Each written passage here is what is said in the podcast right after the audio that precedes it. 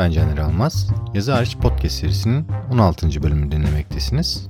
Bu bölümde bölümün adından da anlaşılacağı gibi biraz daha üzerine çalıştığımız metnin içerisine girmeye çalışacağız. Yazarken kullanma mecburiyetinde olduğumuz anlatım biçimlerinden cümle dizilişlerine, ifade etme çabalarına, gösterme, sahneleme, diyalog gibi farklı şekillerde dile getirebileceğimiz karakterlerin düşünme ve ifade biçimlerine kadar yine çetrefilli, üzerine tezler, kuramlar, tartışmalar dönen birçok konuya dair biraz düşünmek, kendimle ve sizlerle sohbet etmek istiyorum.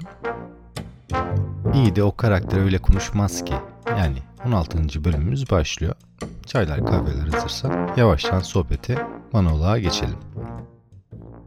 Podcast serimi dinleyenler az çok artık ne yapmak istediğimi, nereden nereye geldiğimi, bir roman kurmanın aşamaları ve zorlukları üzerine bu podcast'te neleri dile getirdiğimi takip ettiler. Konuştuğumuz konuk dostlarımızla sohbetlerimizde de bu konu başlıkları üzerine beraber düşündük ve cevaplar aradık. Bundan sonraki bölümlerde de benzer bir süreç devam edecek. Yani ben kafa şişirmeye devam edeceğim. Konuklarımla sohbet edeceğim. Şöyle düşünebilirsiniz. Bir koşu bandında hiçbir yere varmadan koşuyormuşuz gibi hissedebilirsiniz. Bu çok normal.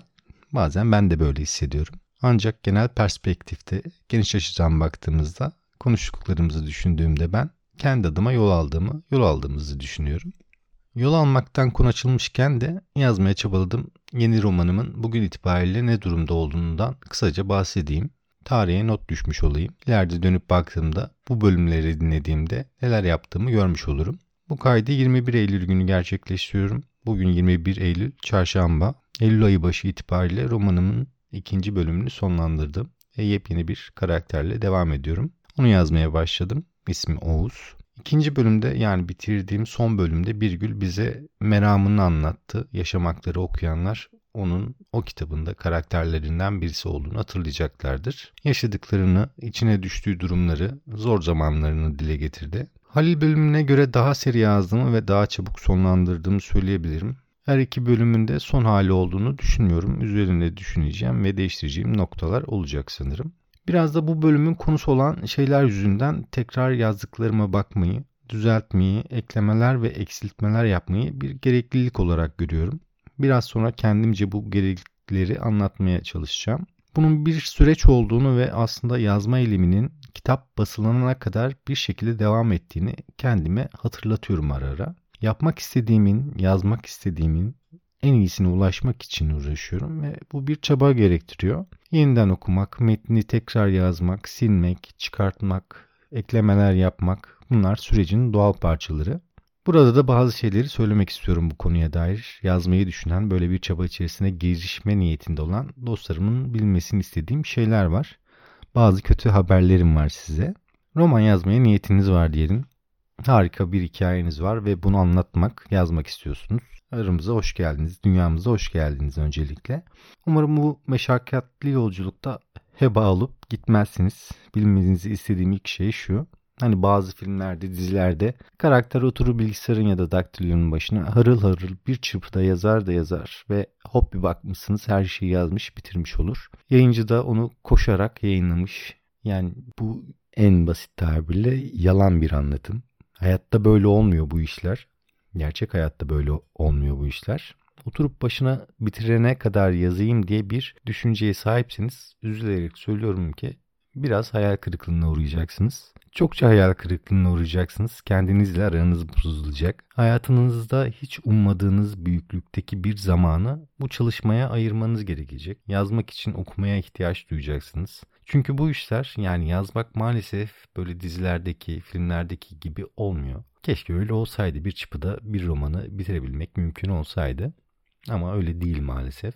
Roman yazmak adım adım ilerleyeceğiniz devasa bir örgüyü sonsuzda çalışır hale getirmeye çalışınız adeta bir mühendislik işi diyebilirim. Hiçbir mekanik şeyle uğraşmazsınız ama yazmanın da roman yazmanın da bir mühendisin yapması gereken hesaplara, çizimlere, dikkate alması gereken fizik ve diğer bilim yasalarına benzer işleri vardır. Çünkü bir mimar nasıl bir binayı inşa ederse yazar da metnini inşa eder. Onu ayakta duracak hale getirir. Eğer hiçbir bilginiz yokken ev yapmaya niyetliyseniz size kolay gelsin.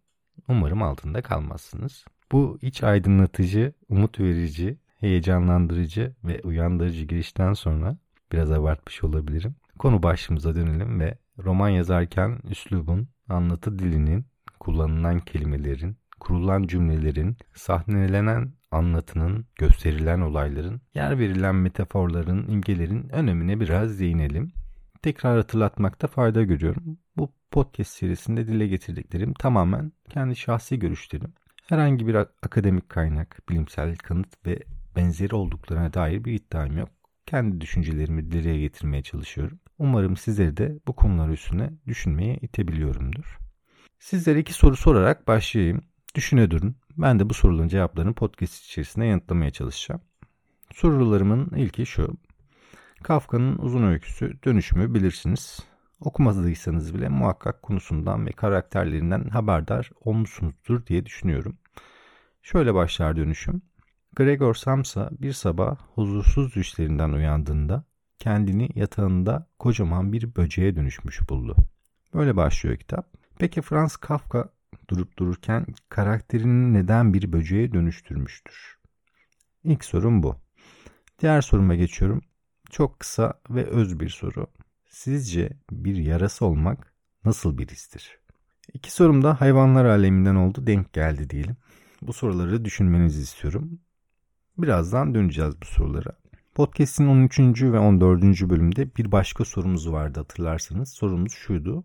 Bize bu hikayeyi kim anlatıyordu sorumuz. Ve bu bölümlerde anlatıcının önemine dair konuşmuştuk. Elimizde harika bir hikayemiz var diyelim. Bunu okur anlatmak istiyoruz ve anlatıcılarımızı, karakterlerimizi belirledik. Anlatıcımız belli olduktan sonra yazarın karar vermesi gereken ve metni inşa ederken problemlerini gidereceği en temel konulardan birisi şu. Peki anlatıcımız bize bu hikayeyi nasıl anlatacak? Karakterlerinin, anlatıcının dili, üslubu nasıl şekillenecek ve nasıl gelişim gösterecek? Bunu size şöyle ifade edeyim. Dizilerden, filmlerden gidiyoruz. Yine aynı şekilde devam edeyim. Bir dizi izliyorsunuz ve başta başrol oyuncusunu hiç sevmediniz diyelim. Adamdan ya da kadından hiç haz etmiyorsunuz. Ama izlemekte ısrar ettiniz ve bir süre sonra birkaç bölüm sonra ve hatta dizi bittikten sonra karakteri sevdiniz. Başına gelen talihsiz şeylere üzüldüğünüzü fark ettiniz. Mutluluğunda sevindiğinizi gördünüz. Siz de onunla beraber bir yolculuk geçirdiniz özetle. İşte biz buna karakterin gelişimi diyoruz.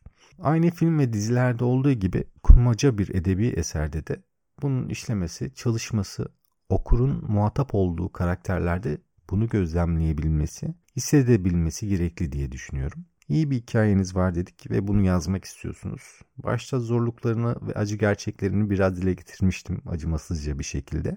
Tekrar kusura bakmayın. Bu hikayeye kuracağınız ya da kuramayacağınız anlatım şekli, üslup, kurgu, olay örgüsü gibi temel noktalar onu vezir de edebilir, muhteşem bir romana da dönüştürebilir. Okuyanı pişman eden, hayal kırıklığına uğratan bir deneyime de dönüşebilir. Eğer okuru pişman edersiniz, üzgünüm, bir okur kaybettiğinizi düşünebilirsiniz. Okurun artık o yazara, kitabın okuduğu yazara ikinci bir şans vermesi çok zordur. Kendinizde bunu kendi deneyiminizden sorgulayabilirsiniz. Yani kitabını sevmediğiniz, haz almadığınız bir yazarın başka bir kitabını okuma arzusu çok az hissedi taşırsınız. O yazarın başka bir kitabını okuma gayretine girişmezsiniz. Ona zaman ayırmak istemezsiniz. Sorularımın biraz önce sorduğum sorularımın ikincisini hatırlatayım size. Bir yarası olmak nasıl bir histir? Sorumuz buydu. Bu soru bilinç felsefesi üzerine çalışan Thomas Nagel'ın bir makalesinin başlığı ve doğal olarak başlığın taşıdığı anlam açısından doğal olarak ilgi çekici bir konu. Çokça tartışmaları dönmüş, farklı tezler ortaya atılmış. Merak edenler bu metni internette bulup okuyabilirler. Nagel bu sorusunun cevabında bir insanın bir yarasayla yer değiştiremeyeceği ve insan açısından tahayyül transferinin imkansız olduğu sonucuna varır. Ve özetle vardı sonuç şöyle. Bu hayal edebildiğim kadarıyla ki çok fazla değil bir yarasa gibi davranmanın benim için nasıl bir his olacağını anlatır. Fakat mesele bu değildir. Ben bir yarası için bir yarasa olmanın nasıl bir his olduğunu bilmek istiyorum. Bu soruya muhtemelen hepimiz başka yanıtlar veririz. Çoğunlukla da benzer yanıtlar ortaya çıkar. Fakat yazarlar için böyle değil. Yine Kurmaca Nasıl İşler kitabından bir alıntıyla bu soruya benim de katıldığım bir cevap vereyim. James Hood'un Kurmaca Nasıl İşler kitabından aldığım bir cevap. Kötse bu sorudan yola çıkarak aynı isimli bir roman yazar. Romanda roman yazarı bir kadın kahraman yaratır ve karakteri Nigel'a şöyle yanıt verir. Castello, karakterin adı Castello bu arada, bir yarasının nasıl hissettiğini hayal etmenin kısaca iyi bir romancının tanımı olduğunu söyler. Ben bir ceset olduğumu hayal edebilirim der Castello. Öyleyse neden bir yarası olduğumu hayal edemeyeyim. Yazma eylemiyle uğraşıyorsak bir şeye niyetlenmiş, kalkışmış oluruz. O da yaratma cesaretidir. Kendimizde o gücü buluruz, fark ederiz. Başladığımız yolculukta her şey mümkün olur. İster yarasa, ister bir böcek, ister bir palto, ister bir insan, ister bir masa. Karakterimiz sizin kontrolünüzdedir ve onun ne yapacağına, neyi nasıl anlatacağına yazarı karar verir. Bu büyülü, büyülü olduğu kadar da insanın sınırlarını zorlayan ve düşünsel olarak yorucu bir deneyimdir. Bu deneyimde yani bir roman yazma çabasında yaptığımız işin büyülü olmasını sağlayan şey ise onu nasıl anlattığımızdır. Kafka karakteri Gregor Samsa'yı öyle anlatmıştır. Ona öyle bir dünya kurmuştur ki yattığında insan olan Samsa'nın sabah olduğunda bir böceğe dönüştüğüne inanırız. İnanmakla kalmaz. Onunla beraber anlatısında yaşadıklarını dinler, ilişkilerini görür. Onun dış dünyaya, dış dünyanın ona bakış açısını soluksuzca okuruz, izleriz. Buradan da ilk sorumuza dönmüş olduk ve süreç bize bu sorunun cevabını da getirmiş oldu.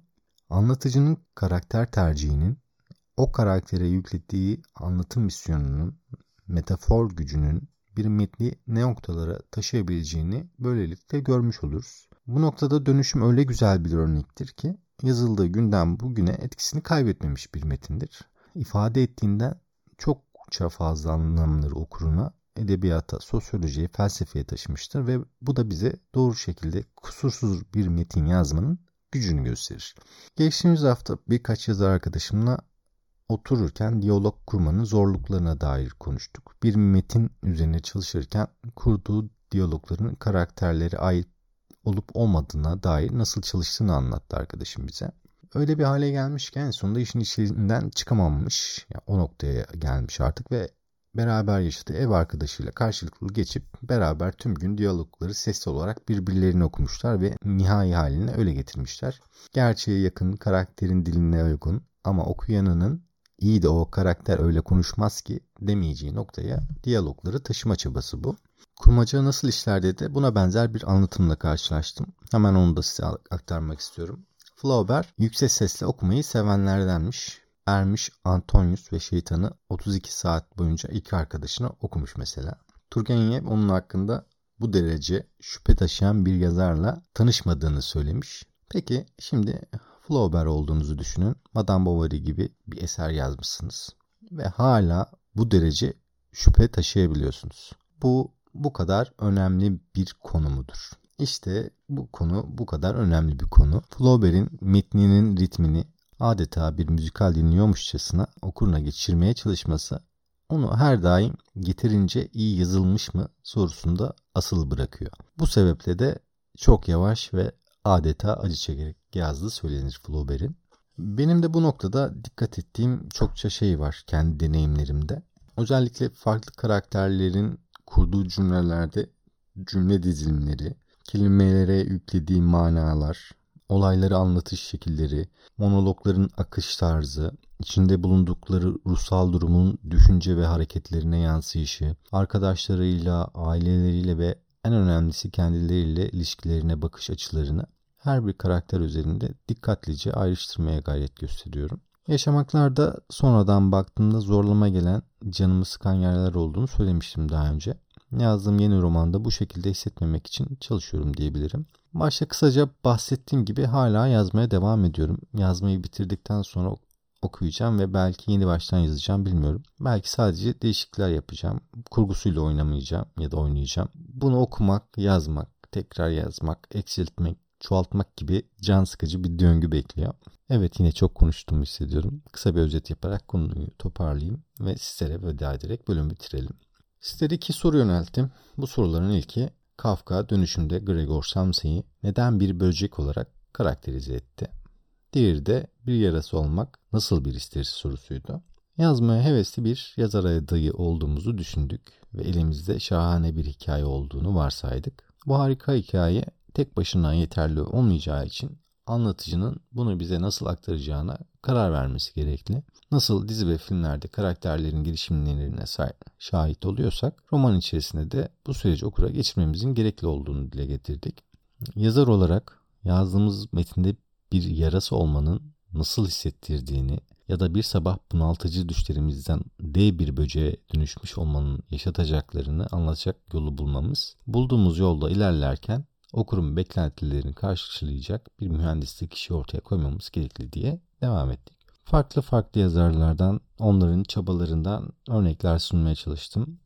Tabii ki bu konular her bir alt başlık uzun uzadıya konuşulabilecek önemli noktalar. Her bir başlık için çokça detaylı yazılmış kuram kitapları, denemeler, araştırmalar, metinler arası karşılaştırmalı çalışmalar bulabilirsiniz.